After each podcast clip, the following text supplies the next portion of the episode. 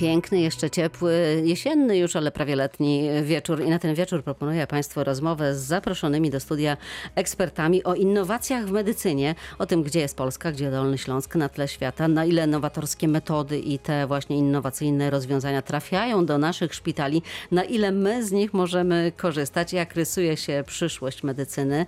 Właśnie o tym dziś chcemy porozmawiać. W studiu są pani Katarzyna, profesor Katarzyna Matczyszyn z Politechniki Wrocławskiej z Wydziału Chemicznego. Dobry wieczór. Dobry wieczór. Z Politechniki też profesor Piotr y, Młynarz z tego samego wydziału. Dobry wieczór. Dobry wieczór. Z Uniwersytetu Medycznego prorektor do spraw y, nauki profesor Piotr Dzięgiel. Dobry wieczór. I profesor Piotr Wrzecioniarz, z którym spotykamy się już y, wielokrotnie i rozmawiamy właśnie o innowacjach y, w medycynie. Pan najstarszy w tym gronie, a najbardziej zapalony chyba, mam wrażenie, od lat, prekursor i taki propagator y, nauki w praktyce. Szpitale 4.0, nowe technologie w służbie... Dobry wieczór. Dobry wieczór. W służbie zdrowia. To temat jednego z paneli, który odbędzie się w poniedziałek e, we Wrocławiu. Pan em, będzie właśnie otwierał e, ten panel. Zacznijmy może od tego, co to takiego szpitale 4.0. Tutaj trzeba wspomnieć o wszystkich rewolucjach, które dotychczas y, zdefiniowano i które przetoczyły się przez historię ludzkości. No, zaczęło się wszystko dokładnie w XVIII wieku, kiedy... Ja nie wiem, czy mamy aż tyle czasu. Y, To Panie zajmie profesorze. dwie minuty. W Dobrze. XVIII wieku się zaczęło i wtedy to zdefiniowano wiek pary, to wiadomo maszyna parowa Stevensona. Y, Potem przyszedł wiek elektryczności i linii produkcyjnych, to jest początek XX wieku. Era komputerów to jest, są lata 70. i w 70 latach myśmy wszyscy się wychowali, myśmy pracowali w erze komputerów. I nagle na początku XXI wieku, mniej więcej około roku 2010 definiuje się nową y, rewolucję. To jest rewolucja de facto informacy- informacyjna. I y, w dzie- 2010 zaczynamy mówić o współpracy ludzi i maszyn zupełnie nowej jakości. Tak to się zaczęło.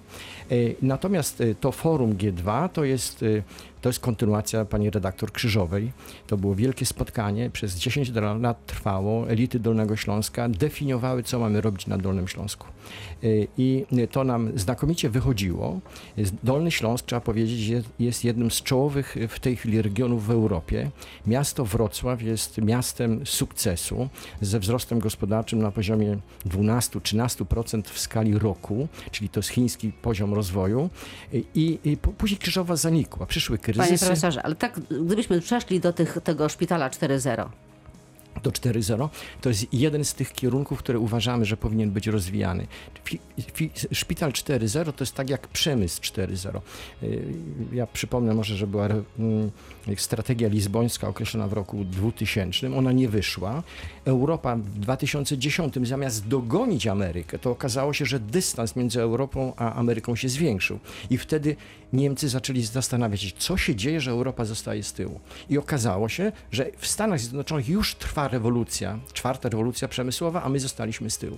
I stąd się wziął ten pomysł w ogóle czwartej rewolucji technologicznej. A szpital 4.0 to jest taki szpital, który działa dokładnie według rewolucji 4.0, która zaczęła się 10 lat wcześniej. To znaczy, że jak ten szpital ma wyglądać? Uuu, pani redaktor, fantastyczne pytanie. Bo ja bym chciała, żeby nasi słuchacze to zrozumieli i pacjenci też, żeby wiedzieli, co to znaczy i czy oni mogą z tego korzystać, czy to będzie po prostu dobre dla nich. To będzie super. To będzie super, dlatego że y, te technologie, które są dostępne w tej chwili na rynku, będą wykorzystane do totalnej, całkowitej opieki nad człowiekiem w każdej sytuacji, do zbierania wszelkich możliwych informacji i do pomagania człowiekowi.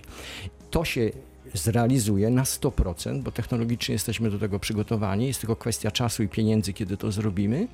I y, w ten sposób człowiek uzyska nową jakość. Ta, ta średnia wieku 120 lat będzie w tej, w tej sytuacji bardzo łatwo możliwa do osiągnięcia. Żyć 120 lat, czemu nie? Byle w dobrej kondycji, prawda? Teraz spójrzmy troszeczkę na tą rzeczywistość, jaką mamy. Uniwersytet e, Medyczny we Wrocławiu, profesor e, Piotr Dzięgiel, e, prorektor do spraw e, nauki. Nie jest panu obce środowisko szpitalne, uniwersyteckie, kliniki. To e, jak te nasze szpitale, tutaj akurat y, uniwersyteckie, się plasują na mapie Europy i świata. jeśli chodzi o innowacyjność, jeśli chodzi o nowe technologie, nowe terapie? No, chciałem podkreślić, że Uniwersytecki Szpital Kliniczny, którego założycielem jest Uniwersytet Medyczny przy ulicy Borowskiej jest jednym z największych w ogóle szpitali po połączeniu kampusu chałbińskiego. Y, są wprowadzane oczywiście jak, najnow, jak najnowsze technologie. Ja tylko wspomnę, że y, ostatnim takim sukcesem to jest wdrożenie terapii CAR-T-cell, która y, jest w tej chwili, można powiedzieć, hitem, jeżeli chodzi o leczenie nowotworów uogólnionych, czyli e, nowotworów pochodzenia szpikowego czy limfatycznego. E, Ja tylko wyjaśnię, że to chodzi o dzieci, bo zastosowane zostało u dzieci, którym nic już nie pomogło. Tak, chłopczyk i... 11 lat, Tak. który wszystkie terapie, chemioterapię zawiodły. E, zastosowana terapia, gdzie podano jego własne zmodyfikowane genetycznie limfocyty, czyli komórki odpornościowe, spowodowały e, remisję. Jego szpik, czy też e, jego komórki leciały za ocean Tak. i wróciły zmodyfikowane do Polski. Teraz już można to robić tu, u nas. Znaczy chcemy to robić tu. Agencja Badań Medycznych otworzyła projekt, pierwszy projekt, który jest y, ogłoszony mm, i będzie rozstrzygnięty, to jest 100 milionów y, złotych na tą y, terapię. Znaczy nie tyle terapię, ile y, przygotowanie, umożliwienie tej terapii z wykorzystaniem y, no, potencjału naszych naukowców. Ja nie mówię tylko o wrocławskich, bo to będzie duże konsorcjum, w którym e, będziemy starali się rzeczywiście sami e, tak e, pokierować badaniami, żeby takie limfocyty móc reprogramować lub przeprogramować. To jest absolutnie rewolucyjna terapia, natomiast wiemy też, że nie jest refundowana niestety. I w tej chwili rodzice i cała społeczność zbiera pieniądze po prostu na to, żeby to było możliwe. No, ale tak jest zawsze z wynalazkami i póki tego nie wdrożymy, ja tylko przypomnę, że robotyka, to pan profesor będzie doskonale wiedział, e, y, robot Leonardo da Vinci, który jest u pana profesora Witkiewicza y, w szpitalu przy ulicy Kamińskiego, te zabiegi też nie są refundowane przecież. No właśnie, my się ciągle jakby, em, pamiętam chyba z 10 lat temu, jak pojawił się robot, robot e, Da Vinci, zachwyciliśmy się, on już był obecny na świecie, ale u nas pojawił się pierwszy, no ale ciągle mam wrażenie, że my jeszcze, no on nie jest wykorzystywany tak, jak mógłby być, a co e, gorsza, no e, też powinno być w każdym szpitalu, a jest ciągle jeden. E, Z nami też Państwo z Wydziału Chemicznego z Politechniki Wrocławskiej, pani Katarzyna Matczyszyn i pan Piotr, Piotr Młynarz, dobrze. Tak, E, Państwo e, zamykają się w laboratoriach i pewnie wymyślają coś e, fascynującego dla nas. My o tym nie wiemy, ale czasem się dowiadujemy. Takiego rąbka tajemnicy e, uchylacie. Co wy tam robicie dla nas, co może być no, nam po prostu potrzebne, przydatne? Wydział Chemiczny Politechniki Wrocławskiej to jest e, 14 katedr. I właściwie e, w każdej z tych katedr, jak nie całe katedry są dedykowane naukom medycznym i okołomedycznym, czyli diagnostyka, czyli e, związane z, bardzo blisko z farmacją nauki, czyli e, też nauki medyczne, czyli bezpośrednie monitorowanie chorób. Oczywiście to są wszystko nauki podstawowe, to musimy wziąć pod uwagę to w każdej z takich katedr przynajmniej kilka osób się znajdzie, które prowadzi badania dla medycyny. Szeroko pojęte. Profesor Drąg tam u was też? Właśnie chcę powiedzieć, że mamy y, w ostatnim czasie na- właściwie y, wyzwania związane z epidemią odpowiedziało naszych dwóch, y, moich, naszych dwóch wspaniałych kolegów. To jest pan profesor Drąg i pan profesor Berlicki. Jak Państwo zapewne wiecie, bo to była dość popularna, szeroko informacja rozprzestrzeniona, pan profesor Drąg y, jako pierwszy zaproponował bibliotekę substratową dla enzymu, który dla proteazy SARS-CoV-2. Y, Potem wyszła druga praca, następnie teraz. y, Co ciekawsze, podzielił się z tym całym światem za darmo początkowo. Tak, tak, tak, tak. Początkowo podzielił się za. Natomiast w tej chwili sprzedał firmie e, Peptide Industry Z Japonii? z Japonii, tak. E, bibliotekę substratów fluorogenicznych. No, jest to typowy transfer e, innowacji do gospodarki. y, dla wykorzystania, która prawdopodobnie będzie y, dalej rozwijana i powstaną być może z tego leki właśnie na SARS-CoV-2. Cały świat teraz ściga się e, właśnie z poszukiwaniem leku na koronawirusa. No, drugim przykładem y, odpowiedzi właściwie na y, poszukiwanie y, leków są prace pana profesora Berlickiego, który na podstawie konstrukcji foldameru, które możemy nazwać takimi sztucznymi białkami, sztucznymi peptydami, które uniemożliwia, uniemożliwiają wniknięcie wirusa do środka, do, do, do organizmu człowieka. Dzięki temu będą mogły być stosowane jako takie inhibitory zewnętrzne oddziaływania wirusa y, z ustrojem ludzkim. To są przykłady tego, że to, co, nad czym pracują naukowcy, może być e, przekładane na praktykę, na e, życie. Cały świat też e, ściga się, jeśli chodzi o szczepionkę. U Was pracujecie też nad tym? Nie, zdaje się na... Ja pracuję w katedrze profesora Samocia. My zajmujemy się oddziaływaniem światła z materią i wykorzystaniem światła także w procesach leczenia, na przykład w terapii fotodynamicznej. I obecnie we współpracy z Uniwersytetem e, w St. Andrews opracowujemy takie elastyczne bandaże. Staramy się zaprojektować takie elastyczne, świecące bandaże, które mogą służyć do e, zabijania bakterii bądź też do leczenia e, nowotworów skóry. A Pani zauważyła, jak mi się oczy zaświeciły, jak Pani to powiedziała? Bo to jest absolutnie Światło. fascynujące. Dla jakich pacjentów to mogłoby się przydać? E, No teraz wszystkim rozwijamy taki projekt we współpracy z doktorem Pawlikiem z Instytutu Immunologii do leczenia stopy cukrzycowej, czyli zakażeń e, bakteryjnych e, występujących, uporczywych zakażeń bakteryjnych występujących u pacjentów z cukrzycą. To jest już na etapie testowania u, z pacjentami? Obecnie czy... pracujemy na wymazach od pacjentów, natomiast no, kolejnym krokiem będzie współpraca z kliniką, mam nadzieję, diabetologii na e, pacjentach, jeżeli uda się. To ja trzymam kciuki i za każdym razem, jak będziecie jakiś krok do przodu e, mieli w tych e, badaniach, to proszę dawać znać. Chętnie o tym oczywiście powiemy. Na pewno pacjenci na to czekają. Ale chciałabym, żebyśmy trochę wrócili na ziemię. To, z czym mamy do czynienia teraz e, obecnie my, pacjenci? E, miała być telemedycyna, na razie jest teleporada. Głównie e, zostaliśmy zatrzymani na etapie teleporady. Co to ma wspólnego z telemedycyną? Panie profesorze, profesor Dziękiel. Zawsze można, jeżeli mamy tele przedrostek, to będzie to zawsze połączenie. To No ale zna- telefon to już jakby ktoś No, wcześniej wymyślił. No oczywiście. Y, Tak jak y, no, rozmawialiśmy już wcześniej kiedyś, pamiętam, telemedycyna to e, różne aspekty, to porada oczywiście i to, co doprzeżywamy dzisiaj w e, dobie pandemii, Mm, to również e, telemedycyna w aspekcie chociażby monitorowania stanu chorego, bo możemy pewne dane przesyłać na odległość, jest centrum zbierania tych danych, jest specjalista, który analizuje te dane, to może być akcja serca, to może być e, EKG, to może być e, ciśnienie krwi i inne... Monitorowanie płodu na przykład. Monitor- Taki KTG, wynalazek e, tak z Politechniki czy z Uniwersytetu I Medycznego? tu, i tu. W- Bo, Tam y, był tworzony. Tak, dlatego że absolwentka Politechniki, chyba biotechnologii, y, później była na studiach doktoranckich y, w Uniwersytecie Medycznym.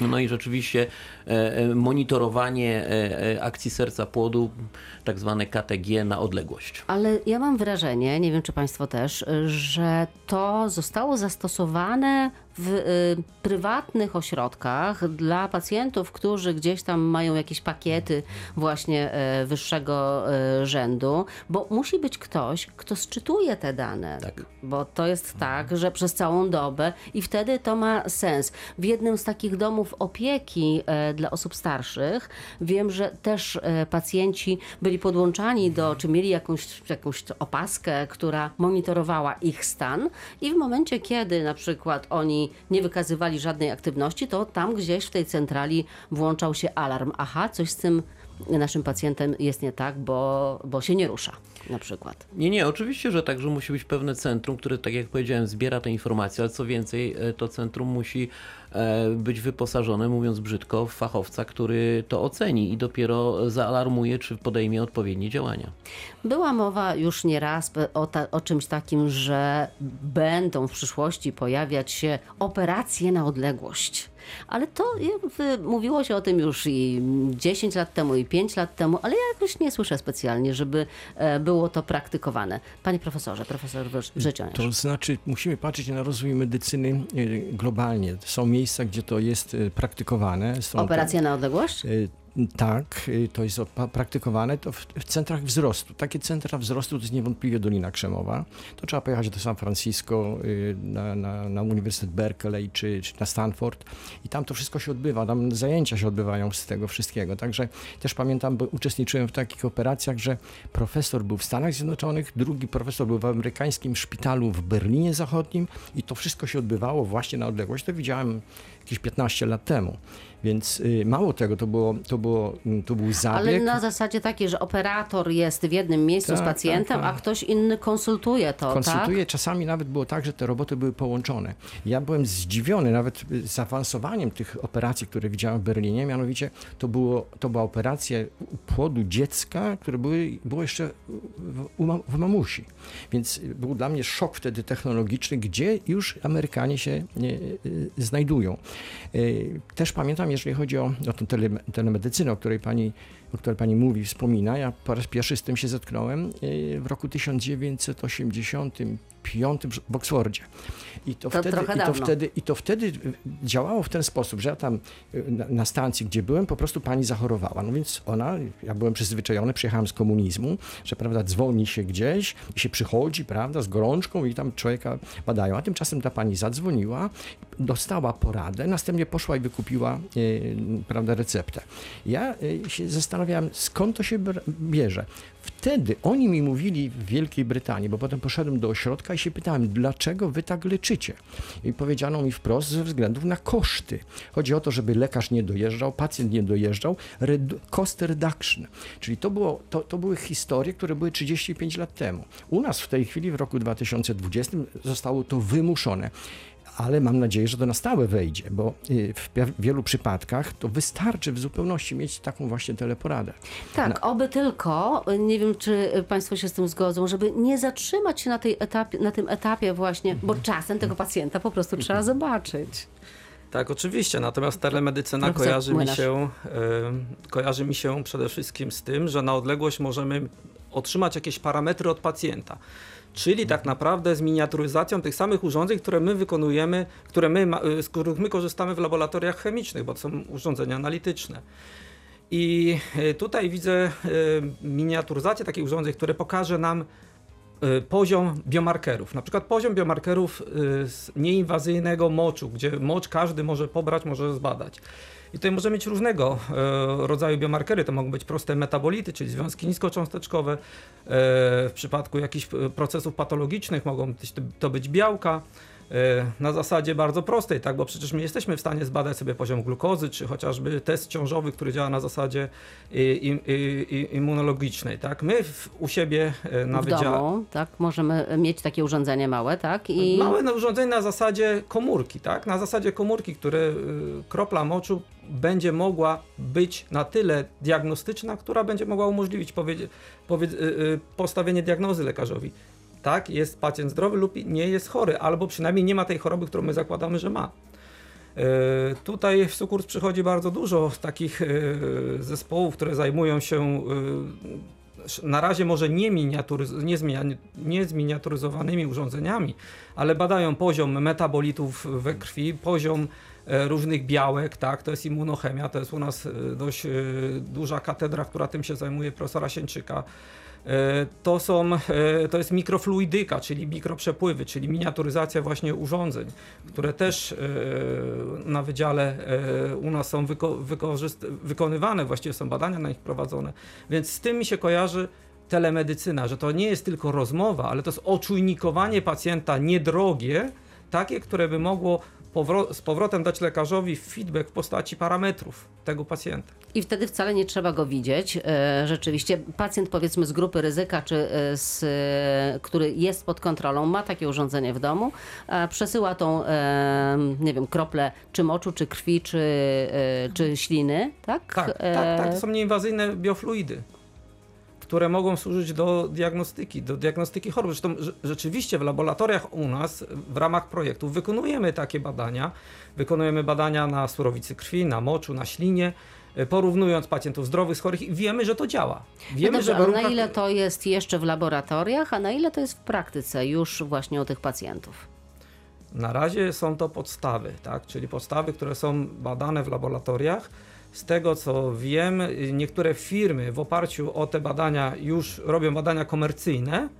Natomiast yy, no w Polsce też yy, jest takich parę firm, które zajmują się badaniem komercyjnych tego typu rzeczy. Natomiast to jest wszystko jeszcze na zasadzie yy, narzędzi wspomagających, to nie jest narzędzie rozstrzygające. A zauważyliście Państwo e, teraz, jak e, różne właśnie firmy e, prywatne e, ścigają się na wymyślenie testów na koronawirusa choćby na przykład.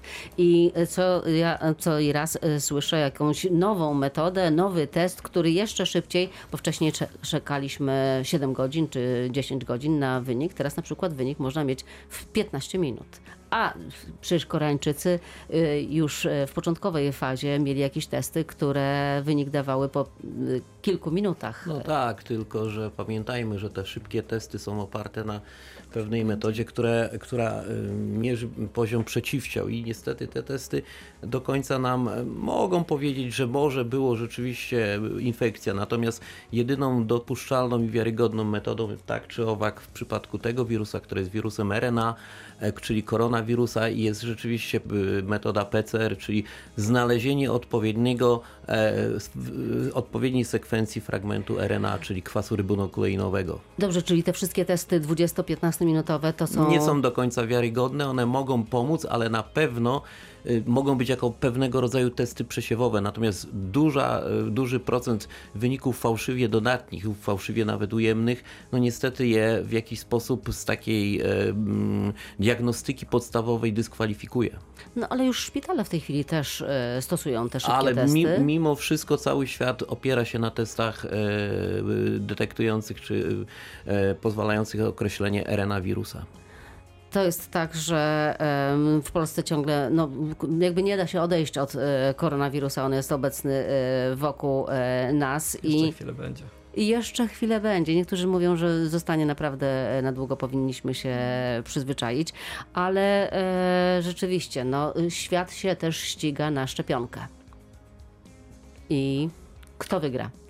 No przede wszystkim musimy pamiętać, że... Rosjanie mówili, że już mają. Tak, że już mają, podano nawet córce prezydenta Putina, prawda, jak, jak słyszeliśmy, co miało chyba marketingowy charakter, trudno to określić, natomiast proszę pamiętać, że e, no, zachwycamy się tym, że, że będziemy mieli szczepionkę. E, To jest tak jak e, z lekami. Wszyscy doskonale wiemy, że to są bardzo długotrwałe badania, a ta, ten długi czas jest zdeterminowany bardzo szerokimi badaniami przedklinicznymi i klinicznymi poszczególnych faz. No a tutaj nie ma na to czasu. A tu nie ma na to czasu i pewnie FDA czy inne agencje, które dopuszczają leki, też będą przymykały na to oko. Nie chciałbym tutaj y, może mówić, że jest to również wielki biznes, ale jest to wielki biznes, bo zdajemy sobie z tego wszyscy sprawę.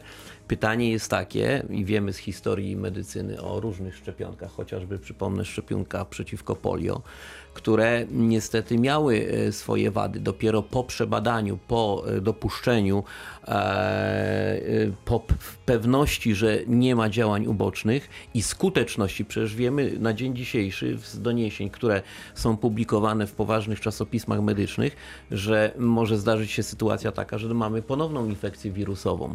I jak to się dzieje, że nasz układ odpornościowy nie ma przynajmniej nie tyle trwałej, ile przedłużonej e, reakcji odpornościowej, więc zbyt mało jeszcze na temat koronawirusa mimo wszystko wiemy.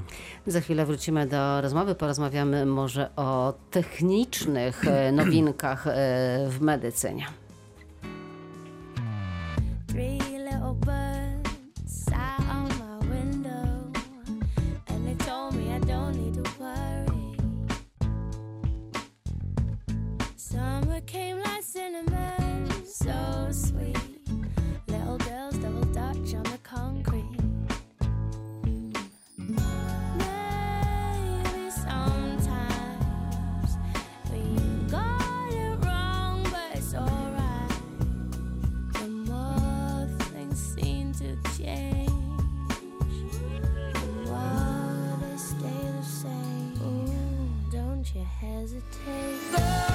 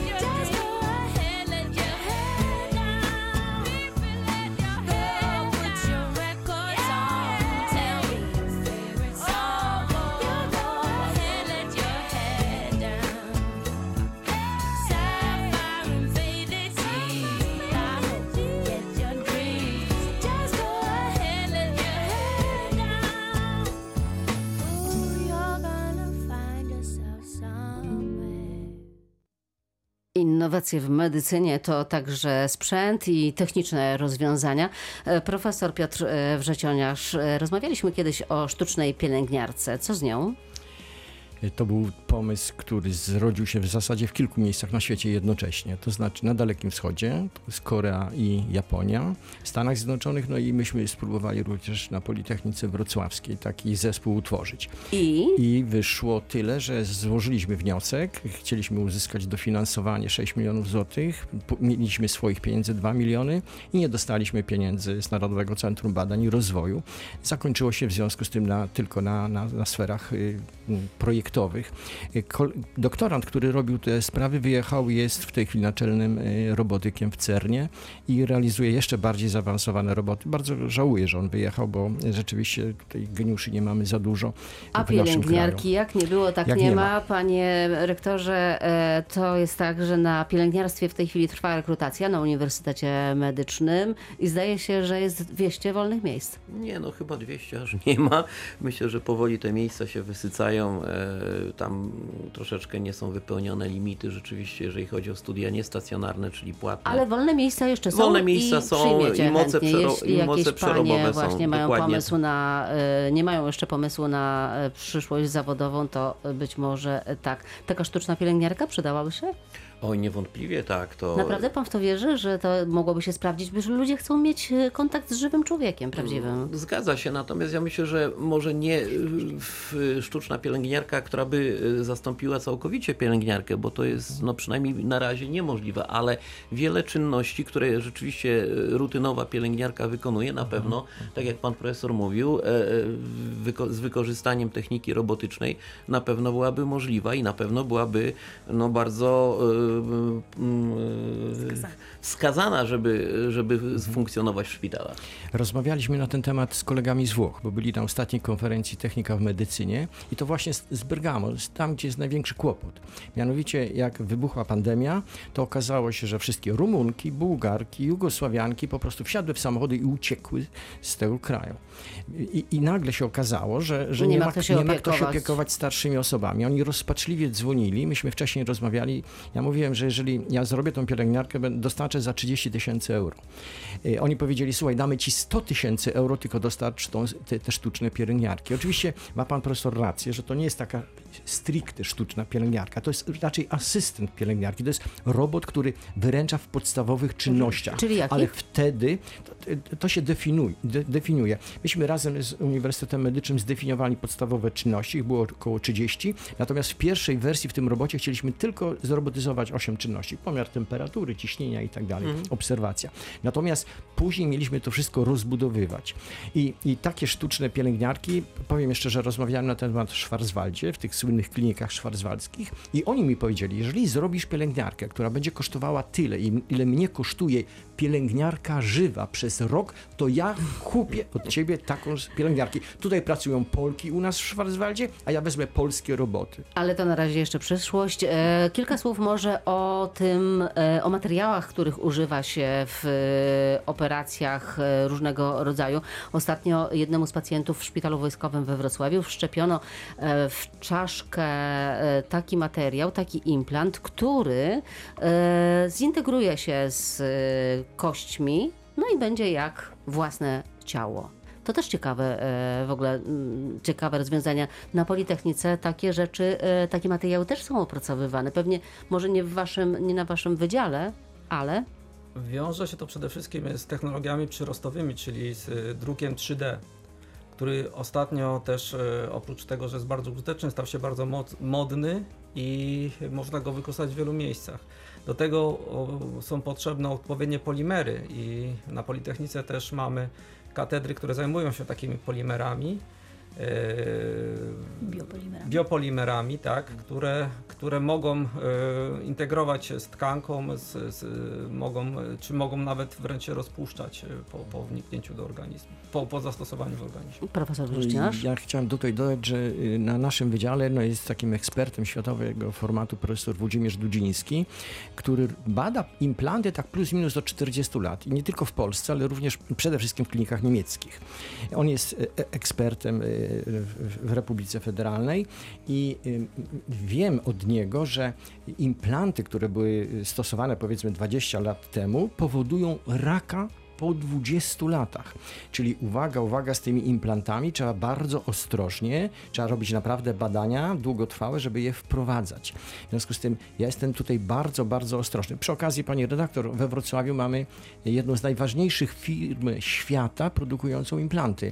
To jest amerykańska firma, my je kupujemy w Stanach Zjednoczonych, ale one produkowane są we Wrocławiu i zarządzana jest przez inżynierów po Politechnice I te implanty do czego są? Implanty czego? To są, to są biodra, stawy i tak dalej. Takie klasyczne. Oni mówią, że oni mają technologie kosmiczne, to znaczy materiały, które pochodzą z NASA. To jest prawda, ale myśmy badali i te materiały w niektórych przypadkach też mogą szkodzić. To się wiąże, e, te implanty, jeżeli mogę się wtrącić, to jest to, co mówił pan profesor Młynarz e, te, i pan profesor również, e, są opłaszczane e, komórkami, ludzkimi komórkami, które są hodowlane, hodowane i e, dzięki temu ta integracja z organizmem e, biorcy jest dużo łatwiejsza. Także te technologie, z jednej strony technologie e, e, takie politechniczne, powiedzmy techniczne, a z drugiej bio. W Radiu Wrocław rozmawiamy o innowacjach e, w medycynie. E, W Uniwersyteckim Szpitalu Klinicznym we Wrocławiu byłam w takim laboratorium, gdzie hodowane są chondrocyty. No i ja tak sobie marzę o tych chondrocytach, że któregoś razu one się tam namnożą, namnożą i będę mogła sobie je wszczepić e, w kolano, żeby mieć jak nowe i żeby móc e, jeździć na nartach. Czy to jest już za chwilę, czy to jest e, kosmiczna przyszłość? Nie, to nie jest ko- kosmiczna przy- przyszłość, natomiast faktycznie te chondrocyty były e, przez pewien okres e, hodowane. To wymaga jeszcze dalszych badań. To w ogóle wiąże się z komórkami macierzystymi, ale tutaj e, stosowanymi w różnych terapiach. Pamiętamy chociażby e, e, pana e, docenta Tabakowa i, i słynny e, w, na całym świecie. Przerwany rdzeń oczywiście, No właśnie, panie specyficznie. profesorze, i co? No jest tylko, dalej? tylko jest jeden chory, drugi ponoć jest zrekrutowany. Natomiast proszę To pamiętać, stanęło. to stanęło. Komórki macierzyste to też jest o czym mówił pan profesor wcześniej, jeżeli chodzi o implanty. Podobna sprawa. Pamiętajmy o tym, że komórki macierzyste są stosunkowo bardzo podobnymi komórkami do komórek nowotworowych. Tu też trzeba bardzo uważać. Bardzo uważać, ponieważ e, niestety nie znamy późnych e, następstw e, podawania w momencie, kiedy e, niestabilny genom, czyli materiał genetyczny takiej komórki, no może niestety stransformować, czyli przekształcić się w taki bardzo zły. Aczkolwiek chondrocyty hodowane i nie tylko, bo i inne komórki również są wykorzystywane. Ciągle o nich marzę. Jeszcze na zakończenie chciałabym, żeby Państwo może się odnieśli do, do tego otwartego świata nauki, który, z którym mamy teraz do czynienia. Czy rzeczywiście jest tak, że świat naukowy współpracuje, czy głównie konkuruje z sobą, jeśli chodzi o medycynę? Profesor Brzyciarz. Y, Tutaj są wielkie pieniądze. Y, Ja mam przed sobie raport, dane z raportu y, PricewaterhouseCoopers i Deloitte, mianowicie wydatki na opiekę, opiekę zdrowotną w 2020 roku osiągną 10 bilionów dolarów. I teraz, y, jeżeli chodzi o firmy wysokich technologii, to my mamy listę około ponad 100 firm, tych firm najbardziej zaawansowanych i one walczą o te pieniądze. Mało tego, to poszczególne państwa zobaczyły, że to jest potworny biznes. W związku z tym jest kilka krajów, które wydają olbrzymie pieniądze na rozwój tego, tego obszaru. To są Stany Zjednoczone, to jest Kanada, to jest Izrael, to są Niemcy, Korea, Japonia w pierwszej kolejności. Bo jak się ma patent, to potem sięga po ale cały również, świat. ale również małe państwa europejskie. I dobrze byłoby, żeby ten potencjał, który jest tutaj w Polsce, żeby wykorzystać do tego wszystkiego. Żeby tych młodych ludzi, którzy przychodzą do nas na Uniwersytet Medyczny, na Politechnikę Wrocławską, na Uniwersytet Przyrodniczy, po prostu skierować w tą stronę i powiedzieć, zróbcie genialne rzeczy, zaróbcie duże pieniądze, wyleczcie naszych ludzi. No właśnie, bardzo chętnie. Politechnika Wrocławska ma taki plan. Nowy rektor, e, zwany rakietą, tak? Nowy rektor współpracuje, dlatego że e, współpraca to jest jedyne, e, właściwie e, jedyna droga do osiągnięcia sukcesu, innowacji, współ, współpracując właśnie, tak jak już tutaj pan profesor powiedział, z Uniwersytetem Przyrodniczym, z, Uniwersytetem Medycznym, w regionie, w Polsce, możemy dojść do tej innowacji, która rzeczywiście pchnie nasze pomysły do przodu, czyli pozwoli na zastosowanie ich w przemyśle, tak naprawdę przemyśle medycznym, przemyśle farmaceutycznym, bo bez współpracy my nie mamy wyjścia, jesteśmy skazani na siebie po prostu, skazani na siebie we Wrocławiu, skazani na siebie w Polsce, oczywiście przy współpracy z innymi krajami, bo to jest też bardzo ważne. No i jeszcze ważna rzecz, rekrutacja na Politechnice, na Tak. Wydział Chemiczny. Tak, dlatego że nasi pracownicy, którzy prowadzą wspaniałe badania innowacyjne, to również uczą. Uczą studentów. W związku z tym y, zapraszam y, studentów na Wydział Chemiczny, na Wydział Chemiczny, który ma 5 kierunków, który ma y, 16 specjalności, który ma 14 katedr naukowych, y, po którym pracę można znaleźć y, zarówno w biotechnologii, w inżynierii chemicznej, I macie jeszcze wolne miejsca? tak, mamy jeszcze wolne miejsca. Czyli zapraszam wszystkich tych niezdecydowanych jeszcze, którzy Ale się na wahają. pewno tak, na, na pewno szukacie jakichś geniuszy, tak? I tylko takich przyjmiecie. Podobno 50% to jest, geni- to jest to, że jest się bardzo dobrym, a 50% to jest praca. Czyli nauczycie. Więc szukamy, szukamy osób, które pasjonatów, szukamy takich, którzy chcą studiować z nami, a my będziemy pracować z nimi w przyszłości, to bo, bo oni w przyszłości będą siedzieli na tych samych miejscach. A my będziemy kiedyś korzystać z ich pracy. Panie profesorze, jeszcze na zakończenie zaproszenie na forum e, G2, które w poniedziałek e, we Wrocławiu na stadionie miejskim. Tam można przyjść. Tam między innymi panel dotyczący e, innowacji w medycynie. Jak tam e, się dostać? Hospital 4.0 będzie dla wszystkich słuchaczy za obniżoną opłatę. opłatą. Ci wszyscy, którzy wytrzymali do końca tej audycji, są zaproszeni na, na spotkanie. Wystarczy wejść na stronę www.forumg2.com i tam, y, jak się wypełni ten bilet za 200 zł, napisać nauka 20. To znaczy, że zapłaci się 20% dla wszystkich radiosłuchaczy Radia Wrocław w podziękowaniu za to, że tutaj z nami przez dzisiejszy dzień byli. Zapraszamy, czekamy w poniedziałek y, od godziny 9.30. Zapraszamy Państwa do e, udziału w tym e, forum, a ja już e, za chwilę zaproszę Państwa na wiadomości w Radiu Wrocław. Dziękuję najmocniej za wizytę w studiu. Dziś naszymi gośćmi była pani profesor Katarzyna Matczyszyn z Politechniki Wrocławskiej, pan profesor e, Piotr Młynarz, także z Politechniki, pan profesor Piotr Dzięgiel i pan profesor Piotr Wrzecioniarz. Zauważyli Państwo, ilu Piotrów na metr kwadratowy?